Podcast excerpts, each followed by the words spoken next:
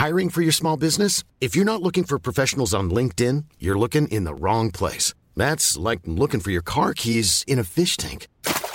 LinkedIn helps you hire professionals you can't find anywhere else, even those who aren't actively searching for a new job but might be open to the perfect role. In a given month, over 70% of LinkedIn users don't even visit other leading job sites. So start looking in the right place. With LinkedIn, you can hire professionals like a professional. Post your free job on linkedin.com slash people today. Ready to pop the question? The jewelers at BlueNile.com have got sparkle down to a science with beautiful lab-grown diamonds worthy of your most brilliant moments. Their lab-grown diamonds are independently graded and guaranteed identical to natural diamonds, and they're ready to ship to your door. Go to BlueNile.com and use promo code LISTEN to get $50 off your purchase of $500 or more. That's code LISTEN at BlueNile.com for $50 off. BlueNile.com code LISTEN. Wow! Nice! Yeah! What you're hearing are the sounds of people everywhere putting on Bombas socks, underwear, and t-shirts made from absurdly soft materials that feel like plush clouds. Yeah, that plush. And the best part? For every item you purchase, Bombas donates another to someone facing homelessness. Bombas. Big comfort for everyone. Go to bombas.com slash ACAST and use code ACAST for 20% off your first purchase. That's bombas.com slash ACAST. Code ACAST.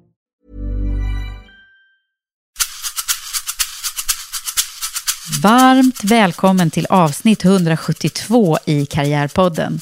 En podd med kvinnliga ledare och förebilder. Jag är oerhört stolt att kunna presentera den här veckans gäst som är ingen mindre än Sveriges ambassadör i Washington, USA, Karin Olofsdotter. Karin har en lång bakgrund inom utrikesdepartementet och har tidigare varit ambassadör i Budapest och enhetschef för UDs ministerkansli. Hon har också tjänstgjort vid ambassaderna i Washington och Moskva vid NATO-delegationen och vid EU-representationen i Bryssel. Ja, ni hör. Det här är verkligen en spännande karriär och det blir verkligen ett fullspäckat avsnitt, det kan jag lova. Vi kommer att prata om allt från hur livet är i USA nu och vad som hände när hon träffade Trump första gången, till hur hennes bakgrund och uppväxt har påverkat henne. Och vi får också en glimt av alla spännande platser och tjänstgöringar hon har haft. Så följ med och lär känna vår första svenska kvinnliga ambassadör i USA. Jag är också glad över att kunna presentera Karriärpodden och Women for Leaders samarbetspartner innan vi startar. Volkswagen Group Sverige. Tack för att ni gör det möjligt att sända Karriärpodden. Här kommer nu avsnitt 172 med min gäst Karin Olofsdotter. Jag heter Eva Ekedal.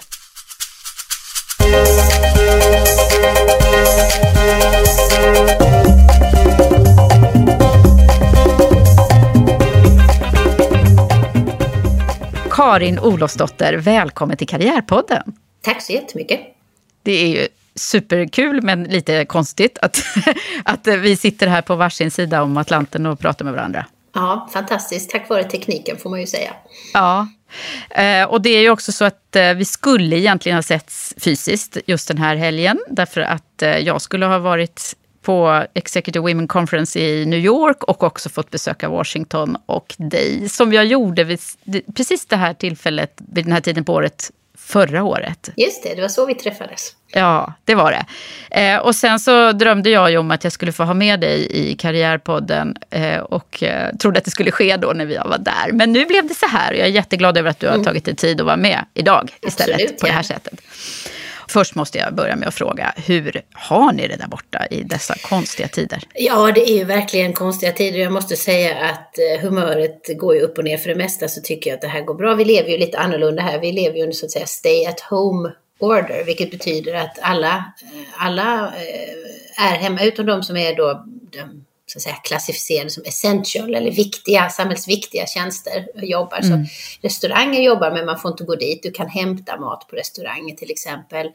Eh, apoteken är öppna och, livs, och livsmedelsaffärerna. Men i övrigt så är ju allting stängt. Så mm. att eh, vi jobbar hemifrån, vi kör hela ambassaden via Skype. Vi har ju öppet liksom för folk som behöver pass och sådär. Eh, och, mm. och öppnar då för dem. Men i övrigt så sitter vi alla i våra hem och vi får bara umgås med vår familj. Men vi får gå ut och motionera och sådär. Eh, och ja. iaktta social distancing. Och när man går i affärer de flesta affärer tycker att man ska ha ansiktsmask och handskar och sådär. Så det är ett isolerat liv, men det är ju inte det är helt okej, okay, det går ju. Sen lever ju vi naturligtvis väldigt privilegierat. Det är ju jättemånga amerikaner som har det jättesvårt och många som har drabbats. Så det finns ju precis som överallt annars trångboddhet och smitta sprider mm. sig. Ja, så att det är ju verkligen eh, ett oerhörd, en oerhörd tragik. Och det är New York som är värst New drabbat? New York är eh, mest drabbat, absolut. Eh, vissa andra delstater också. Sen gick man ju i sån här lockdown ganska kvickt i många delstater. Så Kalifornien stängde ner och andra också. Nu så har vi precis som i resten av Europa en diskussion här om hur man ska öppna upp igen. Mm. Så Georgia, delstaten Georgia öppnade häromdagen och då till vår stora förvåning så öppnade hårfrisörer och tatueringssalonger. Så jag tänkte om det är någon gång jag ska ha en tatuering kanske jag ska köra ner till Georgia. Nej, det ska ja. jag inte. Och jag får egentligen inte lämna, eller man ska helst inte resa naturligtvis. Nej. Men så det är ju annorlunda. Och, och eftersom vi sitter på den här sidan Atlanten och många av oss som jobbar här, och, som svenskar, mina kollegor och andra, vill ju gärna åka till Europa i sommar och åka till Sverige. Men mm. nu för tiden, nu går det runt 20 flygplan om dagen från USA till Europa. Det går ju vanligtvis 500-600 flygplan. Så det är liksom ja. inte helt enkelt att ta sig hem. Nej. Kommer du åka hem eller? Ja, det hoppas jag verkligen att jag ska. Ja, ja. Ja, det är verkligen speciella tider. Mm. Och dessutom är det väl lite andra speciella tider. Jag tänker på hur ni har det med den politiska livet också. Ja, jag för som är political junkies, vilket jag ju, mm. jag älskar ju politik eh, mm. och älskar eh, amerikanska val. Eh, mm. så hade ju det här, det är ju fortfarande otroligt spännande givetvis, men jag menar nu hade man ju följt primärval runt om i landet där Demokraterna skulle välja sin kandidat. Nu blir det ju Joe Biden, så ju allt, jag menar, det, det verkar ju i princip done deal, även om man inte har, har det sista formella beslutet. Och sen så har man de stora konventen skulle ju vara i sommar och, och det sker ju som sagt bara var fjärde år. Och jag hade mm. verkligen mm. sett fram emot att åka både på Republikanernas och Demokraternas. Och sen naturligtvis hela eh, valkampanjen i höst. Men nu sitter ju Joe Biden i sin hemmastudio i sin källare i sin villa i Wilmington och presidenten syns dagligen på presskonferenser. Så de ja. inte, det blir ju inte den här riktigt politiska nerven. Nej. Eh, som det brukar vara i amerikanska presidentval. Men det kanske kommer. Det kanske kommer ja. för det är ju väldigt jämnt mellan mm, kandidaterna. Vågar du sia någonting? Nej du, det har jag slutat att göra efter, mm. efter Donald Trump vann förra, vann förra gången. För det var ju ingen som trodde att han skulle vinna, men det gjorde han ju. Och ingen, mm. i alla fall inte jag, trodde inte det skulle bli något Brexit heller. Eh, men allt är ju möjligt. Och USA, det är liksom lätt att titta på opinionsmätningar, men i USA är det ju de enskilda valkretsarna. Och Donald mm. Trump förra valet vann 2500 valkretsar. Hillary Clinton vann 500 valkretsar, men han hade 3 miljoner fler väljare som röstade på sig. Så att mm. den som förlorar kan alltså ha flest väljare. Ja. Så att det är därför det är så viktigt att titta liksom ner på djupet i de enskilda valkretsarna. Eh, hur ser ekonomin ut där? Vilka människor bor där? Och så vidare. Så det, ja, det är, det är väldigt så... avancerat och, och mm. svårt att greppa om man inte är som sagt var uh, junkie i ämnet. Vilket inte jag är. Så jag tänker att uh, vi, vi, lämnar det för ögonblicket i alla mm, fall och uh, ger oss in i i vem Karin är och hur din resa har sett ut. Jag menar, det är ju inte en vanlig karriär det här, måste man väl ändå säga, det är, som du har gjort. Nej, eh, nej, det får nej. jag väl inse själv också. Eh, ja. Men, men eh, nej, visst, jag är otroligt glad och stolt över min karriär och att få, få ha gjort den här resan. Eh, ja. jag känner lite så att jag har fått göra det. Det var inget jag någonsin funderade på som ung, att jag skulle bli diplomat. Det fanns liksom inte på min radarskärm överhuvudtaget. Jag är Men... snart 54, fyller 54 i juni, eh, tvåbarnsmamma, en eh, 18-åring och en 16-åring. Just nu mm. eh, här i USA så är det jag och 16-åringen och min nya baby som är hunden som jag älskar över allt annat. Ah, vad är det för och, hund? Ja, det är en sån här eh, shelter dog som jag har adopterat. Hon är mm. en mix mellan chihuahua och mini pincher. Oh, och anledningen till att jag ville ha en så liten hund var att jag skulle kunna ta den i väskan på flyget. Ja, men du, vi måste ju dela våra hundintressen då, kanske inte ja. i podden, men jag har ju också en liten eh, bichon havanäs som ja, jag och... eh, har lämnat bort idag bara för att eh, jag skulle ha inspelning med dig och inte skulle bli störd av henne. Nej, det, jag har faktiskt låst in min uppe på vinden med dottern. Alltså det är ett ja. riktigt rum, men hon är där inne för hon skäller så mycket. Hon är ja. väldigt, eh, jag tror hunden älskar mig lika mycket som hon skäller så mycket när det kommer någon i närheten. Ja. Om man skulle jag... börja lite från början där mm. och, och eh, försöka förstå sig på hur... Du sa att det var inget du kanske hade tänkt på. Nej, Eh, vad drömde från... du om när du var liksom, eh, liten tjej? Jag hade nog inga sådana där drömmar riktigt. Jag är enda barnet. Jag vet, jag lyssnade på eh, ditt samtal med Helene Svan och där pratade ni om vad man är i syskonskaran och sådär. Jag är då en, ett enda barn. Och eh, har två föräldrar, jag har ju två föräldrar, det har ju alla givetvis, eh, eh, som eh, nog väntade ganska länge på att få barn, så jag var ett väldigt efterlängtat barn. Och eh, har ju, jag tycker jag har haft en fantastisk uppväxt med föräldrar som eh, var väldigt uppskattande och till gränsen för att de inte tyckte att jag kunde göra några fel överhuvudtaget.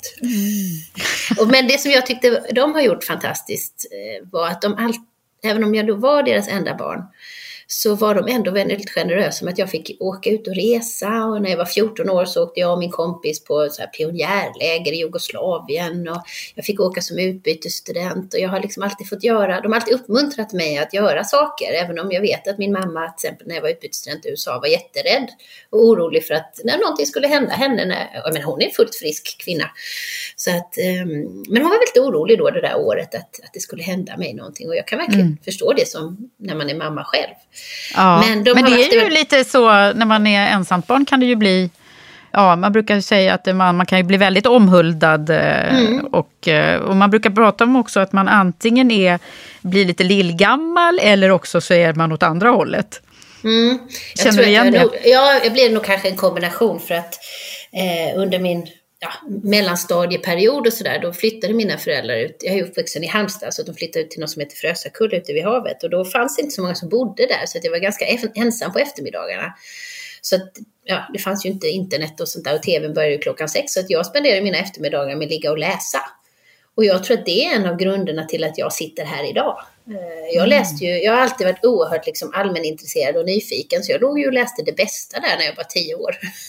Oh. och, och, liksom, och lä, jag läste, läste väldigt mycket och genom läsandet, det låter ju som en klyscha, men det är ju lite att resa och få uppleva. Och sen reste de också mycket. Och mina föräldrar är småföretagare, de eh, var i skobranschen och jag tror att om det är några äldre kvinnor som lyssnar här och har varit nere i Halmstad så känner de nog till min mammas gamla skoaffär Knäppkängan. Som mm. faktiskt var en av Sveriges mest exklusiva damskoaffärer. Mm. Så jag är ju uppvuxen i småföretagande, jobba hårt. Min pappa var också i skobranschen. Eh, jobba hårt, eh, kunden i centrum. Och jag vet, ni pratade om det med Helene också, liksom det här med kund, kunden i centrum. Och, och eh, anstränga sig och, och, inte ta något för givet. För det kan man ju inte när man är småföretagare, utan det är ju risk varje dag. Jag vet att min mamma var alltid så orolig så fort det skulle öppna en ny skoaffär i, i trakten. Att oj, kommer hon då, hur kommer det påverka henne och så vidare. Mm. Och att det alltid handlar om att liksom, göra, ligga på framkant och sådär. Men du, så att, de heter Svensson dina föräldrar? Ja, det gör de. Eh, och sen så tyckte min pappa, eh, ja, det fanns då fem stycken Karin Svensson i samma ålder. Mm. När jag var tonåring okay. så ja. tänkte jag nej, det här går inte längre. Mm. Och då så, eh, min pappa tyckte när jag föddes att jag skulle heta Olofsdotter. Men det tyckte inte min mamma, för på 60-talet så tror jag inte det. Ja, jag vet inte. Men eh, jag tyckte det var så fint så jag bytte till det när jag var kanske, jag vet inte, 15, 14, 15 någonting. Jag kommer inte ihåg exakt när det var. Ja. Eh, och jag är jätteglad för det. Eh, ja, för att häftigt. alla kommer ihåg vad jag heter och jag är ju Olofsdotter. Jag var ju aldrig Svens ja. son. Nej, precis. Det där var ju... Det, jag får ju häftigt. väldigt ofta frågan om jag är från Island. Ja, för där har de ju det mera. Mm. Mm. Nej, så jag är, jätte, namn, ja. jag är jätteglad för mitt namn. Ja, vad roligt. Ja, det, ja, det slog mig liksom när jag började forska här. Men vänta mm. nu, Svensson, hur hänger det här ihop? Mm. Ja, mm. vad roligt. Ja, men då fick vi en liten glimt där av dig i Halmstad. Hur länge, hur länge bodde du där innan du gav dig ut i världen? Då? Ja, det var ju till jag var, jag gick ut gymnasiet, eller jag var utbytesstudent under gymnasietiden så att jag slutade ett år senare. Och sen stack jag till Nya Zeeland och Australien. Eh, mitten på 80-talet så var vi ju jättemånga som gjorde det. Eh, för då kom ju de här jorden runt-biljetterna och jag åkte dit och fick jobb på en bar. Det var jättekul. Jag började mm. med att tvätta fönstren efter två dagar så var det en öppning i baren, så det var ju jätteskojigt. Och sen reste jag runt, det var ju väldigt många av oss som gjorde det då. Och sen mm. jobbade jag ett år i Stockholm på resebyrå. Och sen så hela mitt liksom kompisgäng, vi, vi, de flesta av oss tog två år ledigt emellan och så stack vi till Lund allihopa och mm. pluggade. Eh, och det var ju fantastiskt roliga år. Ja, och vad var det du pluggade? Jag läste, mitt huvudämne är faktiskt psykologi. Eh, och det var mer av ett bananskal för att jag läste enstaka kurser då. Och på den tiden var det lottning. Och i slutet av 80-talet så ville alla läsa nationalekonomi och statsvetenskap och det ville även jag. Så jag började med nationalekonomi och sen så skulle jag läsa statsvetenskap. Men då var det ju lottning så jag var ju så här 997 reserv. Och eh, ja, så, så var psykologi mitt andrahandsval och så, så blev det så helt enkelt. Nej, men sen har jag läst nationalekonomi, företagsekonomi och ryska. Och det är ju ryskan som tog mig in på UD en gång senare. Hade ja, det var det. Ja, ja. Hade det men... inte varit för ryskan så vet jag inte om jag hade blivit anställd. Eh, förhoppningsvis var det väl andra kvaliteter också, men att det var ändå en viktig del av, eh, av, av det. För att vi behöver ju, alltså, vi behöver ju verkligen Rysslands, rysktalande eh, i utrikesförvaltningen. Ja, men hur gick dina tankar då, tänker man? Nej, men det är det som mycket av mitt liv, tycker jag, när jag tittar tillbaka, är, är en slump, i alla fall där i början. Mm. Att eh, jag, eh, nej men jag pluggade då eh, ekonomi och, och, och, psykologi och så vidare. Och sen så var det en kamrat till mig som hade fått jobb som reseledare i Ryssland på en kryssningsfartyg. Och då behövde man inte kunna ryska för det jobbet. Och så sökte jag också och så fick jag det. Och sen blev jag helt förälskad i Sankt Petersburg, eller Leningrad som det hette då. Och eh, bestämde mig för att åka till Ryssland ett halvår och, och liksom plugga ryska. Mm. Och då hade jag läst en, det här var då januari 91 jag kom dit, och jag hade läst en kvällskurs i ryska på hösten och tyckte att jag kunde något. Jag kom dit, jag hittade inte ens ut ur tunnelbanan. Jag visste inte vad utgång hette. Nej. Nej. Men så jag var där i åtta månader då. Det var ju en jättespännande tid. Det var ju fruktansvärt jobbigt i Ryssland då. Det fanns ju ingen mat. Eh, folk Nej. hade det ju jättesvårt och det ledde ju sen upp till, det var ju redan, eller det som sen ledde till Sovjetunionens sönderfall där eh, ja. Alltså på sommaren 91. Eller 90-91. Vilka eh, kontraster tänker jag. Du har sett det och sen mm. där du är nu. Ja, ja och nej, lite och sen, mer. Precis, nej, men så jag, mm. jag blev så, så oerhört intresserad. Så att sen så under tiden jag pluggade så hade jag reseledarjobbet som extra knäck helt enkelt på somrarna och loven och sådär. Så att jag var ju, tyckte det var fantastiskt att få ha ett jobb som gjorde att jag fick komma dit jag ville. Och sen de flesta turister är ju väldigt nyfikna och intresserade människor så det var ju väldigt kul. Det var ju kul också, liksom själva jobbet som reseledare var ju fantastiskt roligt tycker jag. Mm. Och jag kanske ska bli sån här pensionärsreseledare sen. Ja, det, kan man, det är sån här man kan ta, ta upp. Du kan ja. ju verkligen guida oss runt i världen. Nej, om du får det, resa. Ja, ja nej, men så det ledde ju sen till att jag eh, Ja, men sen, jag var ju färdig med universitetet 93, 94 och då hade vi haft den stora ekonomiska krisen i Sverige.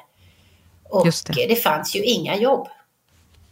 Så jag sökte ju dem. Jag tänkte att jag skulle jobba med personalutveckling eh, för företag som etablerade sig i Ryssland. Alltså mm. utländska mm. företag. För att det var ju den boomen då när Sovjetunionen hade fallit, fallit och många, det, ja, det var många som investerade helt enkelt. Och då tänkte jag att jag skulle jobba med det. Så jag fick faktiskt först ett sånt jobb på en eh, konsultfirma i Danmark. Men samtidigt mm. så hade jag sökt, in, sökt utrikes till Utrikesdepartementet och jag trodde ju aldrig att de skulle vara intresserade av mig. Men det var de. Och den här karriären inom UD då, berätta mm. hur, hur, hur gick det till? Ja, eh, först så eh, skulle man igenom det där nålsögat och det kan jag faktiskt fortfarande än idag nypa med armen att jag faktiskt tog mig in. För det var ju, jag vet inte om det var 1500 sökande på den tiden och de tog in 20 personer tror jag vi var, eller 25. Så att det var ju, jag, jag tror fortfarande att jag är positivt överraskad. så här 20 år senare. ja, ja, ja. ja precis. Vad var det som hände? Ja. nej, nej, precis. Men, ehm, och då var jag väldigt mån om att, att få komma till Ryssland som min första stationering eh, för att eh, kunna bibehålla språket. Jag var ju så intresserad också och det blev faktiskt så. Så att efter ett år i Stockholm så eh, bar det av till Moskva. Och där jag jobbade i tre år och det var ju otroligt spännande. För det var ju liksom de här boom, boomåren 95 till 98. Men sen följde ju ekonomin, kraschade ju där 97. Men, eh, och då träffade jag min man, eh, mm. han är svensk. I Ryssland? Ja, för han jobbade på, mm. jobbade på militära underrättelsetjänsten. Svenska mm. militära underrättelsetjänsten och mm. var där på en månads eh, ja, utbyte. Så då lärde vi känna varandra. Och sen följde han med mig till eh, Bryssel. Då fick jag jobb på vår NATO. Sverige är inte medlemmar i NATO, men vi har en delegation, eh, liksom en slags ambassad vid NATO. Eh, och jag hade insett där i Moskva att jag tyckte att säkerhetspolitik var det mest intressanta. Eh, så att jag var ju väldigt glad över att få chansen att jobba på vår NATO-delegation. Så han hängde med dit. Så att det var ju fantastiskt. Han hängde en- med dig. Ja, det är ju en av liksom, utmaningarna i min karriär. Är att det är ju, nu för tiden så finns ju inte hemmafrun oavsett kön på henne oftast. I Sverige, men de flesta, i, i, de flesta, i Sverige så jobbar ju ofta både mannen och kvinnan, eller båda partners i en relation.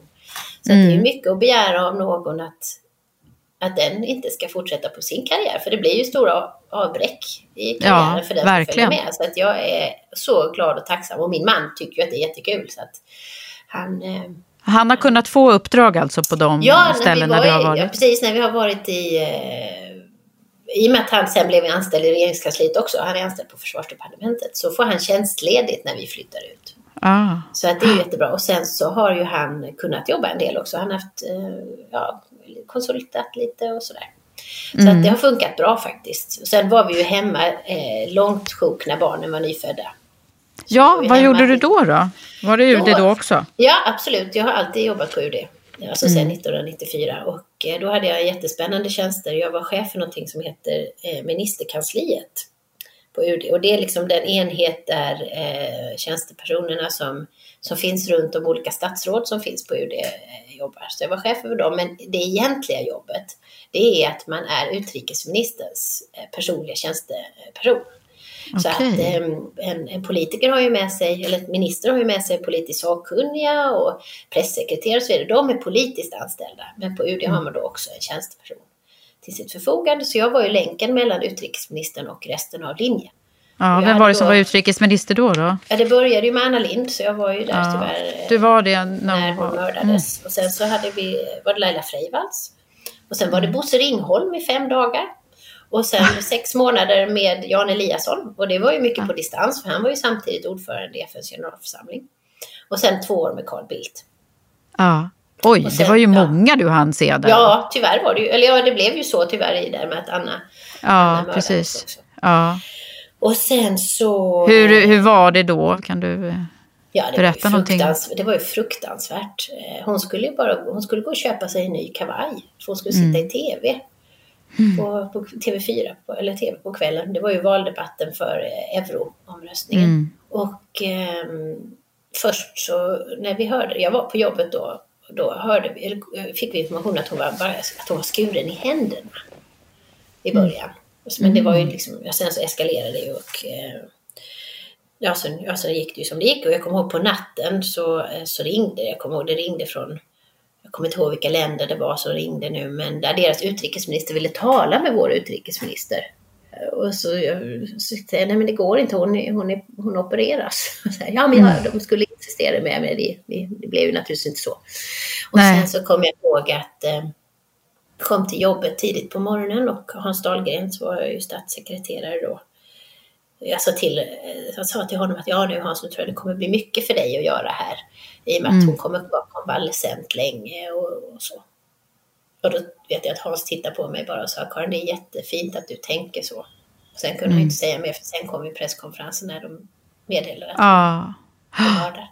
Ja. Fruktansvärda upplevelser. det Ja det är så fruktansvärt, det är ju så fruktansvärt. Det går liksom inte att ta in tycker jag. Nej.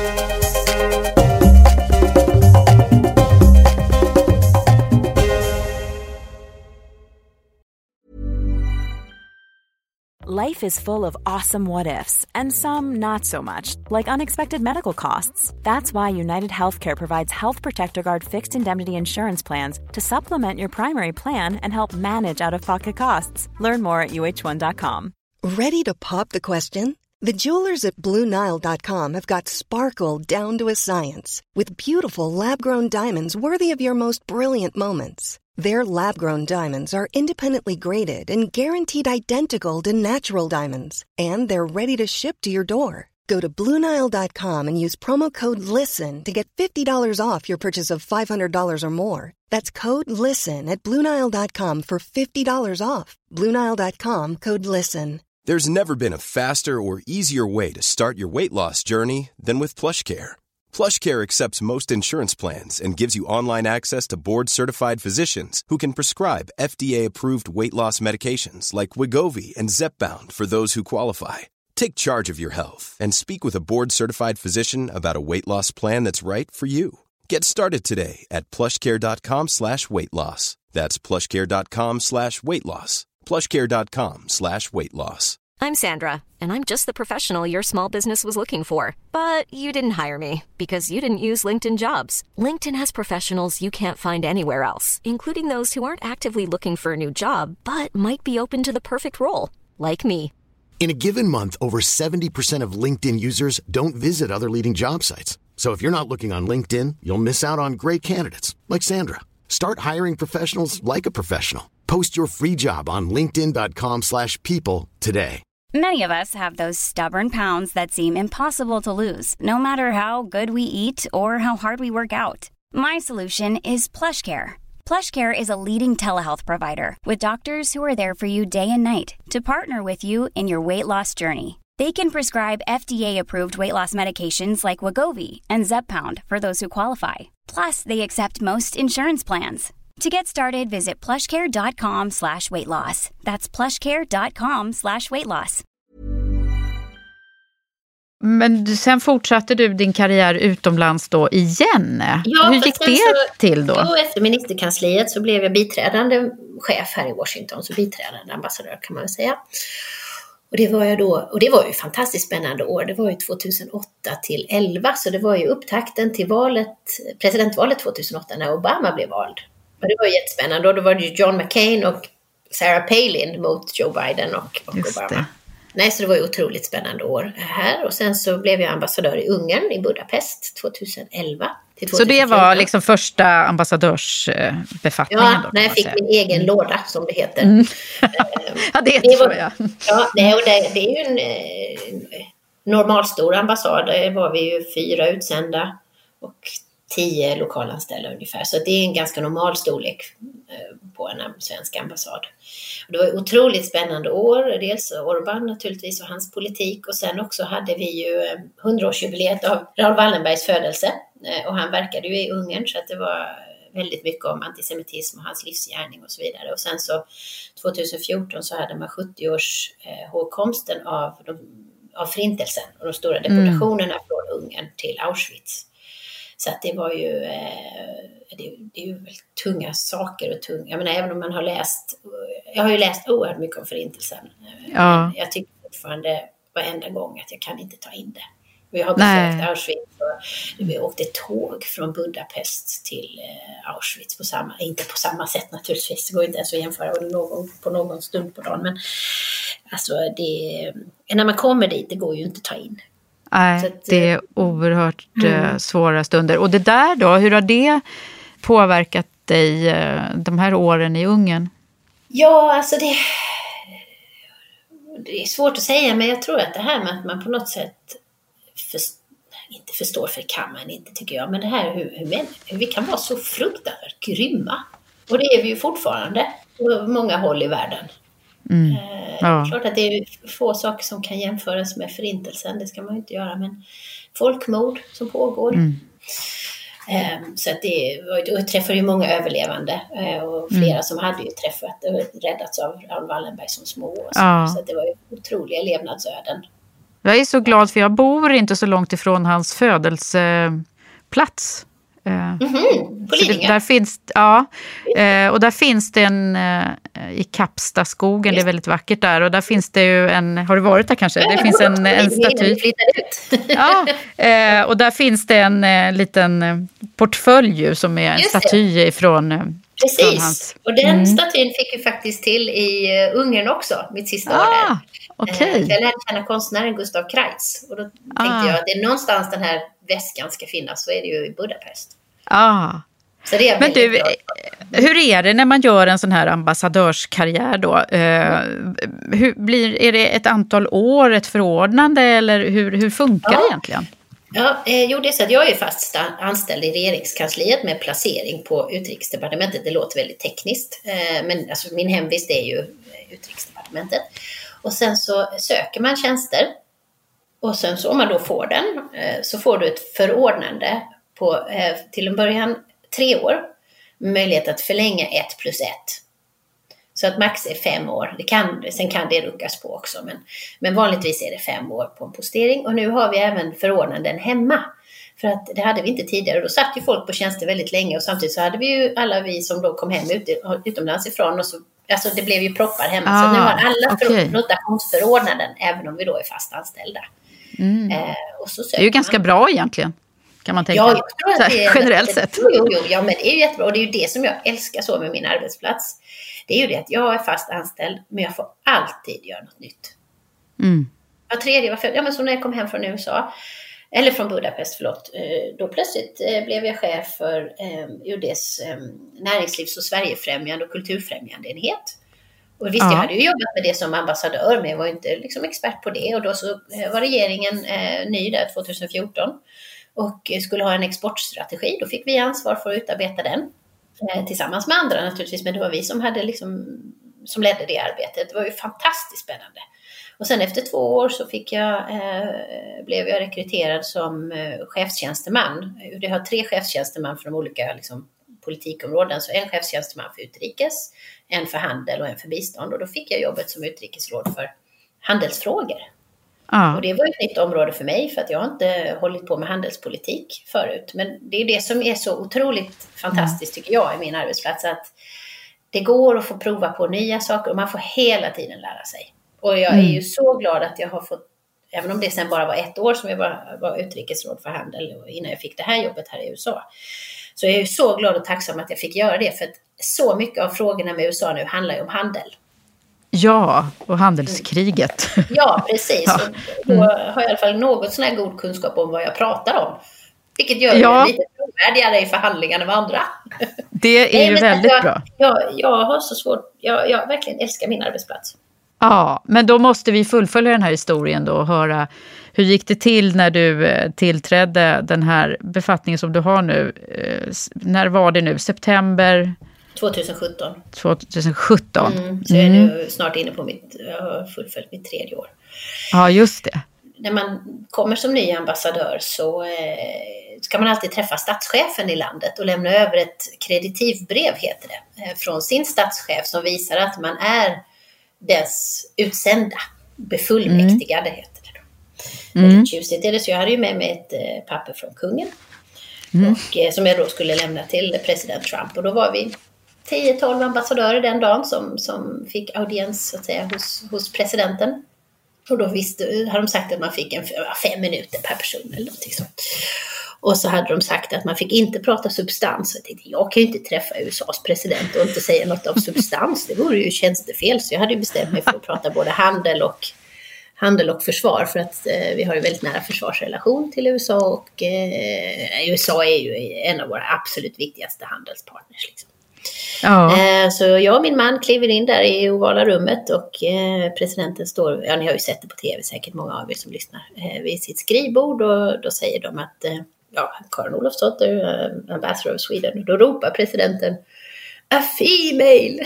Och det visar ju lite på, apropå ditt program, att det är ja. ganska ovanligt faktiskt fortfarande med kvinnliga ambassadörer. Nu tror jag att ja. vi är uppe i en, av kanske 180 ambassadörer här så kanske vi är 30 nu. Så att nu börjar det bli lite bättre här i USA. Ja. Eh, men det är ju ovanligt. Men du är den första svenska kvinnliga ambassadören i USA. Det är så det, även om vi säger att slår oss på bröstet här i Sverige så är, är vi inte alltid bäst på den fronten måste man ju säga. Men, Nej, men härligt tror, att du bryter trenden. Ja, ja, precis. Nej, men jag tror att som, eh, alltså, om du skulle jämföra olika länders utrikesförvaltningar så tror jag nog vi är i topp. Vi har nu 50 procent, eller om det är 48 eller 50 procent kvinnliga ambassadörer. Mm. Så vi har ju verkligen där är det bra. Ja, så mm. det är jättekul att vi ligger så väl framme. Tänker du på det ibland, att du liksom, när man tittar på den, jag var inne och googlade såklart och tittade på alla som hade haft den posten du har. Eh, mm. och eh, ser liksom, du är det första kvinnliga namnet som kommer. Tänker du på det ibland eller? Nej, inte speciellt ofta faktiskt. Det gör jag Nej. inte. Nu, nu eh, gjorde du det för att jag sa det. Nej, jag tänker mer att det är liksom, eh, och det är kanske många som brottas med, jag har ett relativt gott självförtroende men eh, jag kan ju ibland tänka så oj, hur har jag, alltså, tänk att jag har fått komma ända hit och ha det här eh, jättespännande arbetet och när jag då tittar på mina företrädare så är det ju eh, giganter i sig. Mm.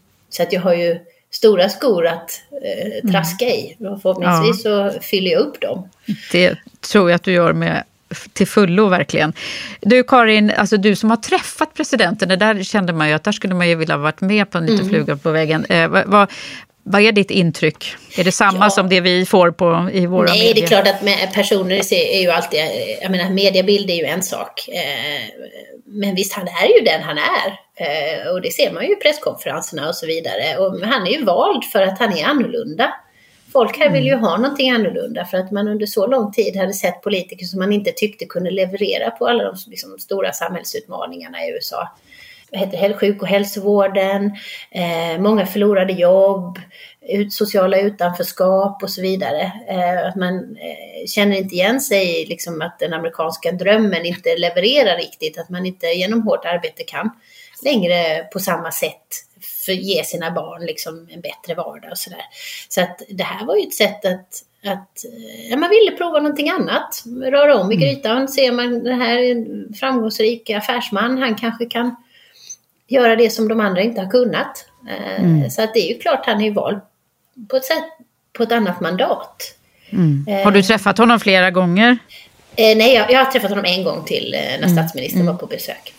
Så mm. att eh, han, eh, det, är ju det mandatet han har. Och nu får vi se, mm. nu är han ju uppe för omval här. Ja, och då får precis. vi se om folk, folk vill ha det eller inte. Men som jag sa tidigare så allt beror ju på vem som går och röstar i vilken valkrets. Eh, ja. Så att han kan bli... Ja, det är, eh, blir spännande att mm. se vad som händer där. Mm. Eh, Okej, okay, så att nu har du haft den här positionen då och eh, eh den är ju ganska stor eran, alltså det är ett ledarskap i sig mm. som du har mm. för, på själva ambassaden. 50 mm. anställda någonting eller? Just det. Så för att vara en svensk ambassad så är den relativt stor i House of Sweden har jag också ja, läst det ju, att det heter. För de av lyssnarna som inte har varit här så sitter vi alltså i, jag skulle tro, Washingtons läckraste byggnad. Eh, I mm. princip en byggnad i glas ritad av Gert Wingård precis vid floden eh, i Georgetown. Mm. Eh, så det är fantastiskt fin verkligen.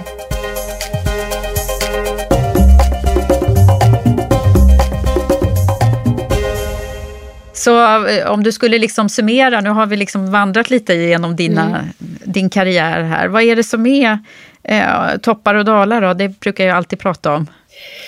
Ja, alltså, jag har varit inne lite. Ja, alltså jag, för det mesta är det ju ett fantastiskt spännande jobb. Jag, som jag sa tidigare, jag har ju svårt att tänka mig att det skulle finnas ett mer intressant jobb. Jag är väldigt stolt över Sverige eh, och vara svensk. Jag menar, Sverige har absolut sina utmaningar och brister och eh, svårigheter och så vidare. Men jag tycker ändå vi har ett värdigt, ett värdigt samhälle. Eh, och jag, jag försöker verkligen inte säga att vi inte har några utmaningar och massor med problem och så vidare. Men givet och jämförelse med många andra så tycker jag ändå att vi har ett system som, en samhällsmodell som är värdig. Och jag är väldigt stolt att företräda Sverige. Mm. Jag är verkligen det. Um, och, eh, så det, dels har jag så att säga, en bra produkt att sälja, tycker jag, mm. i form av Sverige. Så det, det, är ju den ena delen av mitt jobb. Sen är ju jag, och har ju alltid varit en väldigt nyfiken person. Jag älskar historia, jag älskar politik. Att få jobba med att analysera ett lands politik och, och, där, och, och lära känna folk i den här kulturen. Och den här stan är ju full av spännande människor. Så att det är ju en ynnest i sig. Och sen så är det ju så att de medarbetare jag har är ju ofta, de är ju lika intressanta de. Eh, det är ju det är människor som har valt en utrikeskarriär, som har levt i massa, på massa spännande platser eh, och, och får varit med om massa, många intressanta saker. Så att det är ju väldigt roliga och intressanta kollegor och ofta extremt hårt arbetande eh, mm. personer. Så det är ju en ynnest i sig att få vara det låter som massa klyschor nu, men jag tycker verkligen att det är så. Mm. Ja, nu kommer alla vilja bli ambassadörer efter att ha lyssnat Ja, det tycker jag de ska vilja bli. ja, ja. Nej, men, så det är liksom, men, men, alla jobb har ju toppar och dalar eh, och livet är ju sånt också. Ja. Men eh, vi var ju inne på det lite förut naturligtvis. Eh, alltså, eh, mordet på Anna Lind var ju fruktansvärt. Mm. Och sen så var jag ju där också när vi hade tsunamin. Mm. Eh, och det var ju eh, oerhört jobbigt och mm. tragiskt. Då var du hemma på minister... Ja, så då var jag, precis, då jobbade jag med Laila Freivalds mm. eh, som chef för det här ministerkansliet. Mm. Och eh, det var ju verkligen tunga dagar. Och jag ska villigt erkänna att jag förstod inte de där först, första dagen vad det var som pågick i, eh, mm. i Thailand. Eh, så jag, absolut.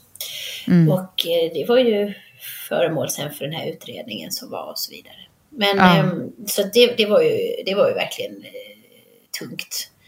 Mm. Ehm, och, samt, och som nu vi sitter nu i coronaviruset och behöver hantera det. Det, här, eh, det, det är en stor konsulär fråga just nu också. Och- det är Ja. kanske inte många tänker på, men det konsulära är det enda som är författningsreglerat som vi måste, an, måste ägna oss åt som utlandsmyndighet. Så det konsulära är ju egentligen vårt viktigaste arbete. Att hjälpa svenskar i nöd och med visering. Sen så har vi hela viseringsbiten och så vidare. Men, men just nödställda svenskar är ju eh, egentligen vår huvuduppgift.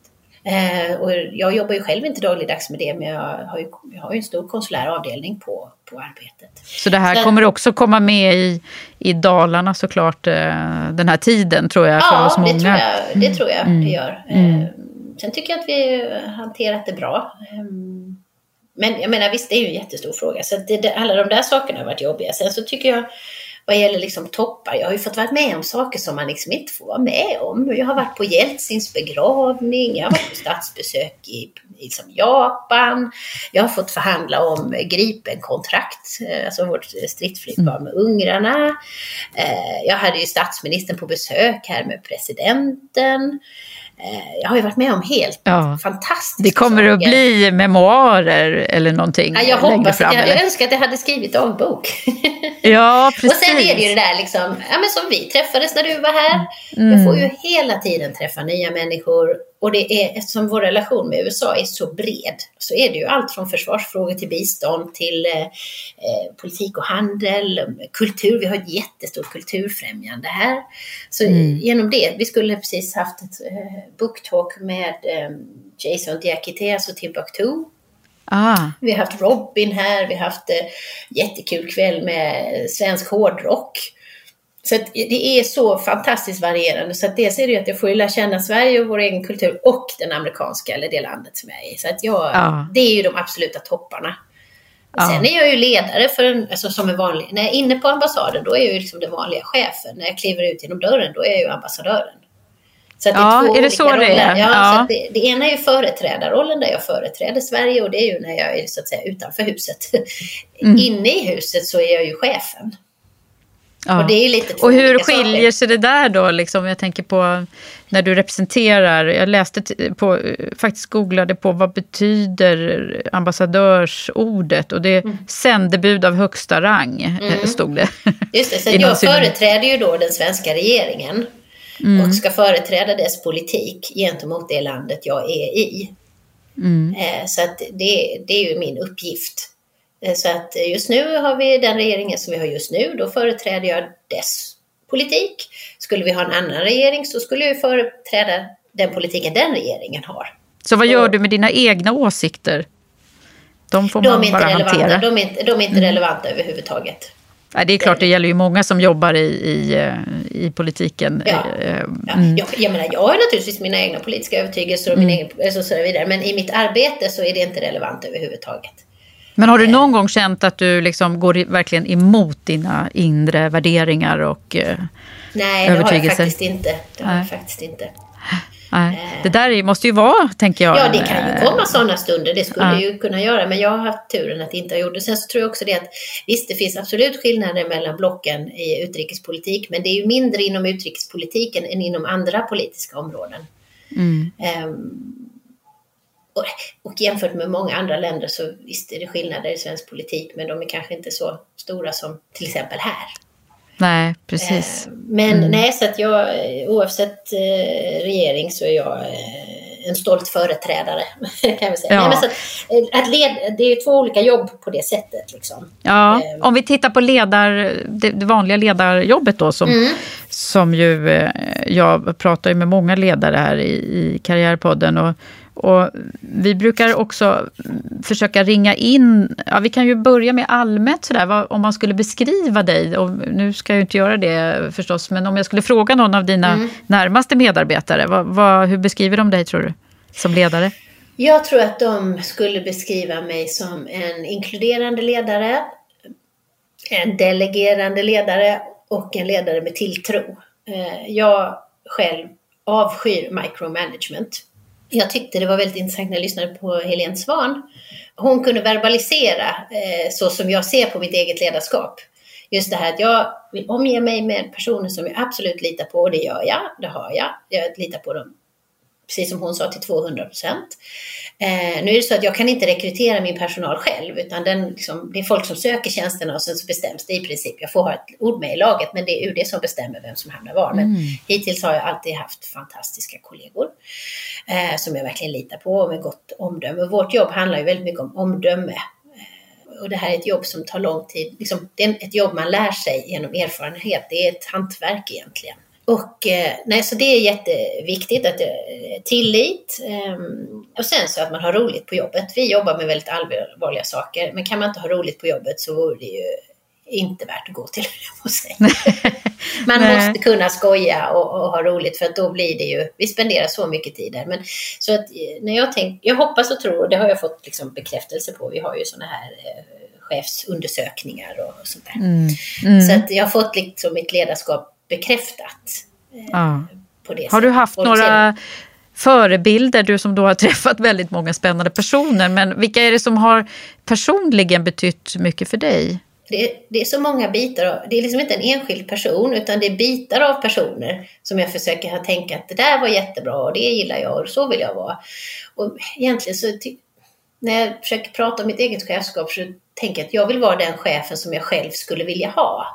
Mm. Jag vill ha en chef som bryr sig om mig, eh, som är rak och tydlig men inte elak på något sätt och som låter mig jobba i fred. Och det är ju det, vi har ju, har ju seniora, fantastiska, alla är liksom jätteduktiga och de vet ju bäst själv hur de gör sina uppgifter. Och man mm. märker ju det, om man, om man ger folk eller medarbetarna liksom den friheten. Du märker ju väldigt kvickt om det är någon som inte klarar att jobba så självständigt och då får man ju ha ett annat ledarskap vad gäller den personen. Men överlag så är det ju så att jag utgår från att folk kommer med egna idéer, att de gör det de ska göra och att de gör det på sitt allra bästa sätt. Sen så hur de gör det, det spelar ju inte så stor roll om liksom Ja, inom lagens ramar naturligtvis. ja, ja. Eh, skämt åsido, men i alla fall. Och sen så för mig är det faktiskt jätteviktigt. Vi jobbar för skattebetalarnas pengar. Vi företräder mm. den svenska regeringen och vi jobbar för skattebetalarnas pengar. Och det ska man vara mycket noga med. Mm. För det här är, det är andras pengar. Eh, och det är jätteviktigt. Och vi, vi, brukar skoja när vi går från jobbet och säga, ja, har skattebetalarna fått någon nytta av oss idag? Men mm. det är ju inte skoj egentligen. Nej, det är på jag riktigt. tycker det är jätteviktigt att tänka så. Eh, så mm. att eh, det är ju andra förutsättningar givetvis än om man skulle ha sitt eget företag och sitt eget kapital. Nu mm. är det, det liksom pengar. Men så att, ja, men det är bra mig, sagt. För mig är ledarskap det är liksom vara tillåtande, försöka säga ja till så mycket jag bara kan. Eh, måste jag säga nej så ska det verkligen vara välgrundat. För att eh, man kan faktiskt säga ja till det mesta. Och då blir det ju en roligare arbetsplats och där man förhoppningsvis kommer fram med bättre idéer och är liksom mer kreativ. Om man mm. är en tillåtande chef. Så det är det jag försöker vara. Du, jag har ju en, eh, en eh, samarbetspartner som mm. skickar med en fråga varje gång. Och det är på det här temat eh, kring ledarskap och kring inkluderande ledarskap. Det är mm. nämligen Volkswagen Group Sverige som är min samarbetspartner. Mm. Och eh, de driver nämligen frågor om, eh, vill driva ännu mer frågor kring jämställdhet och ett inkluderande ledarskap. Och då då undrar de, eh, skickar vi till alla mina gäster då, vad är ett inkluderande ledarskap för dig? Eh, och om du kan ge ett konkret exempel på vad det innebär för dig. Eller när du själv har varit det eller någon situation. Ja, jag tror och hoppas att mina medarbetare tycker att jag är det för det mesta. Um, naturligtvis så eftersom jag jobbar med vi jobbar ju med sånt som är också sekretessbelagt och hemligt så kan jag inte alltid vara så inkluderande som jag skulle vilja vara. Och det är på grund av sakernas natur, liksom, att det måste hålla sig en väldigt liten krets av folk och så vidare. Och då är det ju mm. viktigt när det är så att man samtidigt eh, får folk att förstå att det är inte det att vi vill exkludera, eller jag vill exkludera någon, utan det är att frågan är sån att den måste vara väldigt få som känner till det. Så det där mm. kan ju mm. vara en utmaning i sig. Men jag tror att ett inkluderande ledarskap är att det är att chefen inte ska komma med idéerna hela tiden. Och det är något jag får lite brottas med för att jag är en idé, eller jag, jag är lite av en idéspruta. Och det är ju inte jag som ska Alltså, det, då, det, är man så som chef, det kan ju döda entusiasmen hos alla andra. Så det är mm. jätteviktigt som chef, tror jag, att hela tiden ställa motfrågor. hur tycker du att vi ska lösa det här? Eh, och jag har den här också eh, devisen att den som sa det, han var det. Så var det någon, som kommer med en bra idé, då får den genomföra den också om, om eh, vi tyckte det var bra. Ja. Så, att, så du får hålla tillbaka lite dina egna idéer där i dem? Ja, eller det, om, någon, om någon kommer med en bra idé så ofta säger jag, ja men vad bra, då får du tänka ut, då får du ansvar för den nu. Mm. Men tänker du på, på det här, eller sker det omedvetet för dig? Det, jag, jag, måste, jag tänker på det ganska aktivt. Jag, när jag, ja, för 10-15 år sedan så eh, hade jag en, en, en, kollega som utbildade sig till KBT-terapeut. Och då var jag hennes sån här testkanin. Och eh, vi pratade en hel del om det här, liksom att jag känner att så fort om jag får ett problem framför ögonen så går jag igång och tänker på hur det ska lösas. Och det kan ju döda de flesta medarbetares entusiasm. Eh, så att jag, har, jag, jag, jobbar med mig själv att hålla, hålla tillbaka. Så att när någon kommer med ett problem till mig så försöker jag att inte komma med lösningen. Utan jag mm. försöker då säga, hur skulle du själv vilja lösa det här? För jag tror att medarbetaren, och det, ja, men det vet man ju själv, om man äger sitt problem, då blir det ju också bättre lösning. Än mm. att man får höra lösningen från någon annan. Sen kan jag liksom bolla idéer. Absolut, och det är ju meningen som chef. Jag ser mig mycket som försöker att vara en coach, liksom. Eh, att bolla mm. idéer. Och jag tycker det är jätteviktigt. Så det är både, ja det är på sätt, det är medvetet eh, att jag hela tiden ska tänka att nu ska jag inte komma med lösningen här. Utan eh, det, det, ska vi göra tillsammans eller personen själv göra. För då, ja. då kommer man driva frågan på ett helt annat mm. sätt. det skapar ju engagemang eh, hos ja. alla när man känner ja, att man får vara med och bidra. Ja, när man pratar om sig själv så här så låter det som allting är så perfekt, men det är det ju naturligtvis ja. inte. Utan Nej, ska vi prata om det som inte är perfekt också då kanske? Va, va, va, Nej, men jag tänker på vad är, det, vad är det för någonting som du, som du brottas med? Nej, men jag brottas med att jag, eh, jag är väldigt idérik. Ehm, och det är både bra och dåligt som chef att vara det. För att eh, dels finns risken att alla ens medarbetare tror bara för att man har hasplat ur sig någonting, att då ska vi göra det. Så när jag är ny chef på ett ställe, då säger jag alltid, eh, för det första så här, allt vi gör kan bli fel. Alla, vi gör alla fel. Det är inte det är inte farligt att göra fel, men jag måste få reda på det omedelbums, för att då kan vi ju rätta till det. För en organisation där det aldrig blir fel är ju också en rädd organisation. Och nu är vi ju en statlig organisation och, och, så vidare, så det är klart att vi har inte hur mycket manöverutrymme som helst för att göra fel. Men det, kan, det, alltså det är viktigt att skapa en kultur där man känner att man kan få misslyckas och det är inte hela världen, för har man inte gjort det så, ja. Mm. Så det, det är en sån sak. Och sen så ja, att jag känner ibland att jag kan vara eh, liksom för entusiastisk och lite för mycket idéer. Och, eh, och det kanske inte alltid då är genomtänkt heller. Eh, utan jag, jag jobbar ju på att liksom hålla in mig och, eh, och nu, jag tycker jag är så glad för mina medarbetare för att de säger ju till mig att ah, men du Karin, det där var nog kanske, menar du verkligen så? Eller det gick mm. väl lite fort eller så kanske vi inte kan göra. Fast de säger Nej. det på ett mer inlindat sätt.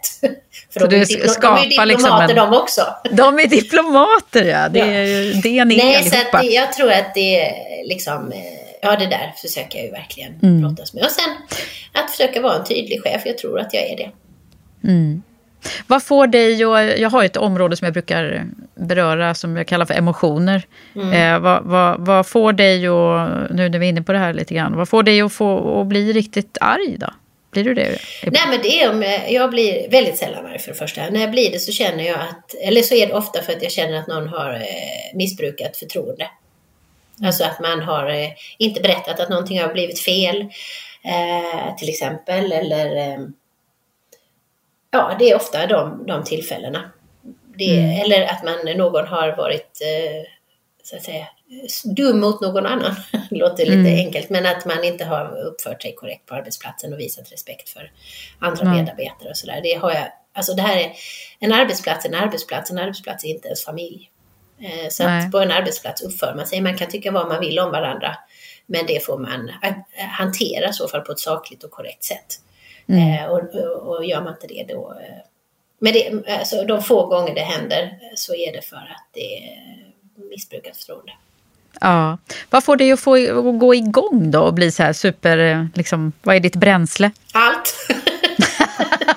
det, Ja, det låter jättelöjligt, men jag, är, jag tycker ju att alla områden som vi arbetar med är jättespännande. Ehm, Jag får ju, det är ju som jag sa, jag, jag sitter ju på ett jobb där jag hela tiden får lära mig nytt om allting.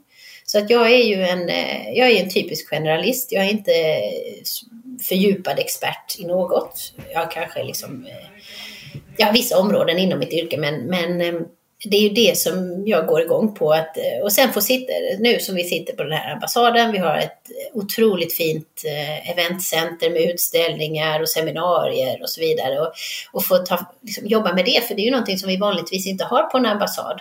Så vi är ju också en liksom, typ av en eventbyrå där vi kopplar ihop svenskar med amerikaner, ja men som ni skulle varit här till exempel. Eh, och nu i vår, vi har fantastiska utställningar som bara precis hann inviga innan vi stängde ner. Då la vi ut utställningarna virtuellt.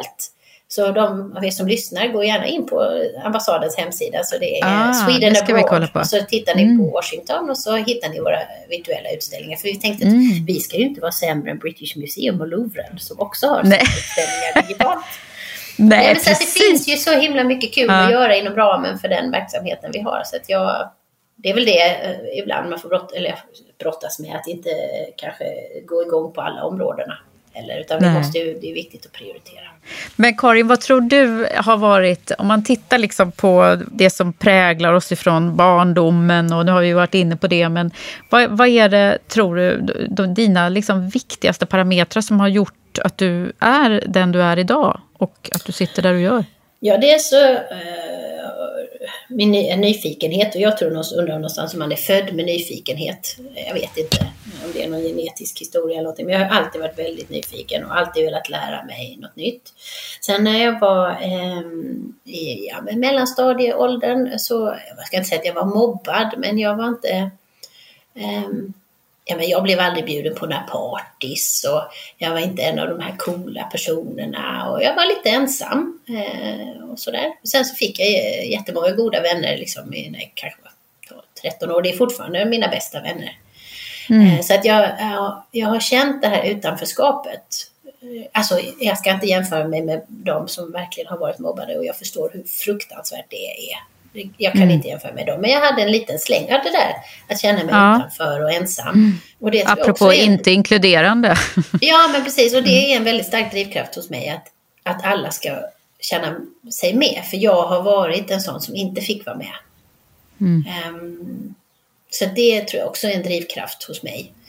Ehm, och sen, jag, jag har alltid bara älskat att vara med människor och prata och skoja. Och, och, sen älskar jag utrikespolitik som jag sa, och politik. Jag tycker det är något, jag skulle själv aldrig vara en politisk person, men jag älskar politik. Ja. Jag tycker det är Vad vad- otroligt vad- spännande. vad- är det som är spänningen i det? När man inte själv får liksom Jo, nej, tycka men jag, då? jag, jo, nej, men jag är ju med och förbereder. Jag menar, jag skick, så en ambassads jobb är ju att skicka rekommendationer hem till regeringen. Att så här tycker vi att Sverige borde agera i de här frågorna. Mot bakgrund av vad vi vet om liksom hur amerikanerna tänker och så vidare. Och det är ju otroligt intressant eh, att, få, att göra det intellektuella arbetet och den analysen. Nej men alltså det, här, det är det politiska spelet om hur politiker, vi har jobbat så nära politiker så länge och, och även om de har varit olika som personer och olika partier så, så drivs de ju av något annat än vi, alltså, än många, vi, vi som har valt att vara tjänstemän är ju det av en anledning och de är politiker av en anledning. Och det är så spännande det mötet och se hur de tänker och tänka sig in i hur jag kan ju sitta och föreslå någonting som jag tycker vore rätt och riktigt. Men så sitter ju politikern där och har ju andra saker att ta hänsyn till också. Eh, Och utrikespolitik, det handlar ju väldigt mycket om att ta inrikespolitiska frågor i beaktande också för sen hur Sverige agerar utomlands. Så det är ju så otroligt spännande det här spelet. Och sen Ja. så har jag fått jobba i Bryssel också. Jag jobbade jag pratade lite, men jag jobbade också på vår EU-delegation och när Sverige var ordförande i EU första gången.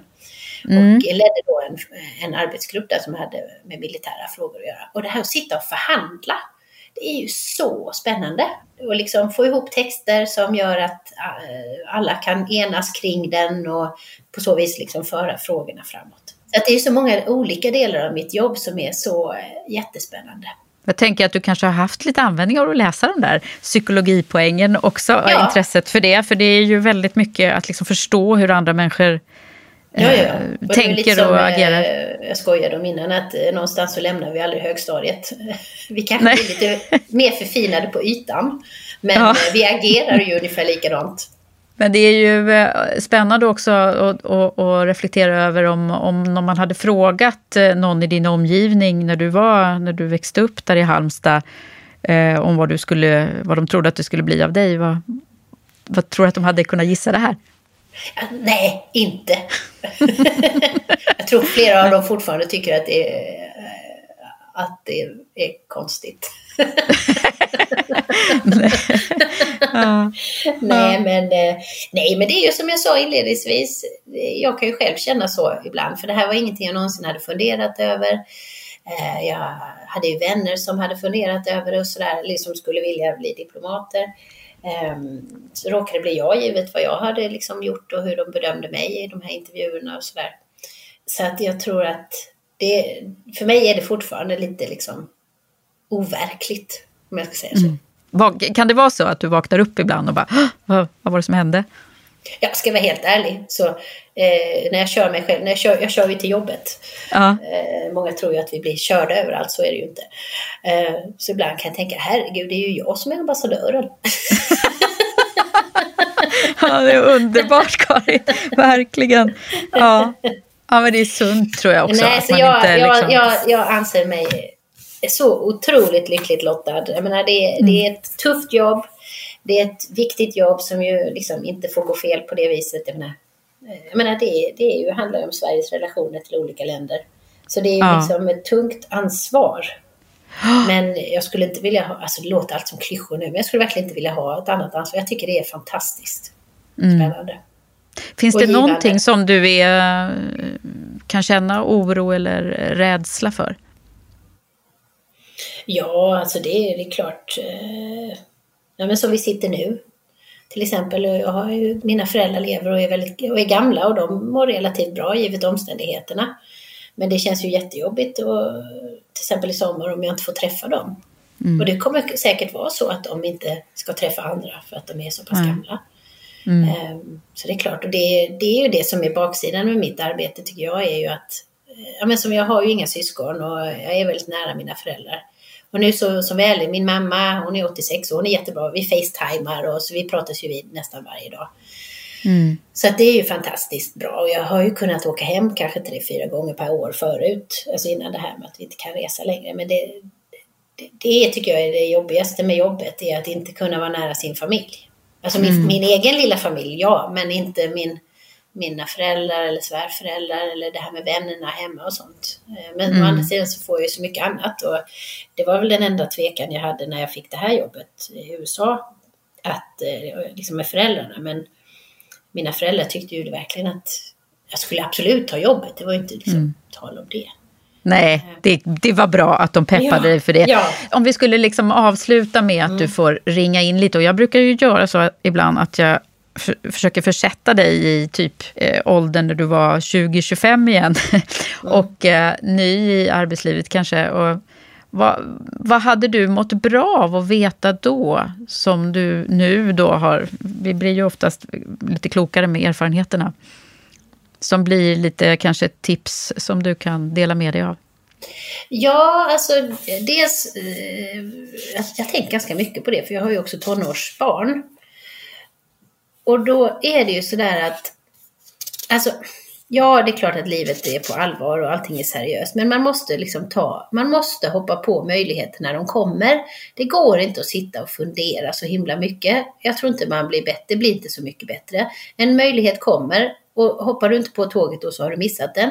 Du kan ju alltid hoppa av det där tåget om det inte mm. blev bra. Alltså om man nu har den möjligheten. Jag tror det är jätteviktigt. Och jag, jag tror också att, jag läste om yngre generationer nu så man kallar ju dem för generation perfect. Allt ska vara mm. så perfekt och det är väl det att de hela tiden kan spegla sig i sociala medier.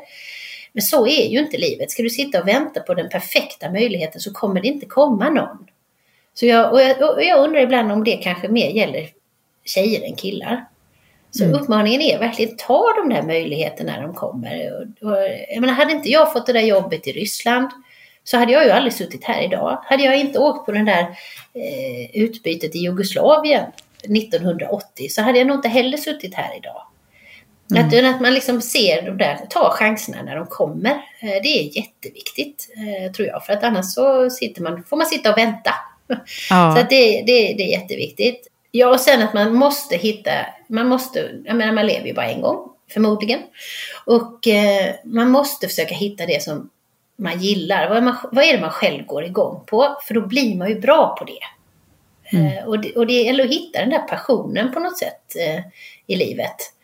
Och mm. Eh, sen ehm, så tror jag också det här med att jobbet, det är faktiskt bara en del. Det är en viktig del och det är en, liksom, man spenderar en tredjedel av sina vakna timmar där. Men det finns ju så mycket annat och vill man vara bra på jobbet så gäller det ju också på något sätt att ha ett rikt inre liv på fritiden. Ja. det så att man ser till att, att jobbet inte är allt. Mm. Eh, det tror jag är jätteviktigt. Så det där med möjligheter är jätteviktigt. Och att man hittar sin passion. Vad ja. det nu kan vara för någonting. Mm. Det, det, var det, det någonting som man också skulle behövt uh, säga till dig? Uh, eller var du liksom redan, hade du det här modet och, och självförtroendet redan då när du var 2025? jag kommer ihåg jag sökte jobb på Electrolux som jag inte fick. Och då gjorde de mm. en personlighetstest på mig. Och då så sa de, ja, det är sånt som jag har jobbat med. Ja, mm. så sa de, oj, vi har nog aldrig, haft, vi har aldrig sett någon som har så lite respekt för hierarki. Så det kanske var därför de inte anställde mig heller. Ah, ah. Men jag ser det som en av de viktigaste uppgifterna i mitt jobb. Det är ju, och jag har ju då, som jag berättat, jobbat väldigt nära politiker och så vidare. Att kunna att ärligt säga vad jag tycker. För att det är bara på det sättet som jag kan hjälpa. Sen, och det, inte, det gör ju jag inte som kritik av någon, utan det är ju, det är, jag anser att det är tjänstemannens viktigaste roll. Mm. Att föra fram liksom de, de olika alternativ ärligt som man, som man kan se framför sig. Och sen är det ju upp till politikerna att välja. Um... Kanske var därför du vågade kritisera då? Var det presidentens beslut med handelstullarna där eller? Ja, jag är ju på så mm. vis jag är relativt orädd. Sen mm. jag menar inte, jag menar, jag är inte dumdristig. Eh, utan Nej. det jag gör är ju eftertänkt. Alltså det är något jag har tänkt igenom och så vidare när jag gör sådana saker. Ja, det är häftigt Karin. Jag är så glad över att du har varit med mig här i det här härliga samtalet. Ja, jag är jättesmickrad att, att, du ville ha med mig. Ja, men det är klart jag vill. Och jag vill ju komma till USA igen och hoppas att ja. Eh, jag får göra det nästa år kanske. Ja, det måste vi, vi få. Ja, verkligen. Den enda ja. silverkanten på den här coronan, det är att få uppleva ja. naturen här. Mm. Går ju ut, det enda man kan göra är att gå ut och gå. Här är ju ett fantastiskt blomsterliv. Så att jag hoppas att ah. komma hit nästa vår. Ja, jag håller tummarna för det. Mm. Stort tack Karin och tack för att du har varit med. Tack så Ha det nu så bra, sköt om dig. Ja, du med. Mm. Stort tack till dig som har lyssnat på det här avsnittet med min gäst Karin Olofsdotter. Hoppas att du också blev inspirerad. Det blev jag. Jag tycker det är väldigt roligt att det är så många som följer och hejar på oss. Och du prenumererar väl på Karriärpodden via din poddapp. Och gillar du det vi gör, gå gärna in och skriv en recension i podcasterappen och sprid avsnittet till vänner och kollegor. Jag vill också passa på att tipsa om vårens nya specialserie som vi gör här i Karriärpodden. Som vi gjort med tanke på de många som nu behöver extra inspiration och pepp när man ska starta om och söka nytt jobb. Håll utkik, det kommer snart fler avsnitt av Omstart, en poddserie om nya tider och nya möjligheter. Det var allt från Karriärpodden den här gången. Jag heter Eva Ekedal. Vi hörs snart igen. Och du, vill du veta mer om vårt exekutiva ledarprogram i Women for Leaders så hittar du mer information på vår sajt womenforleaders.com.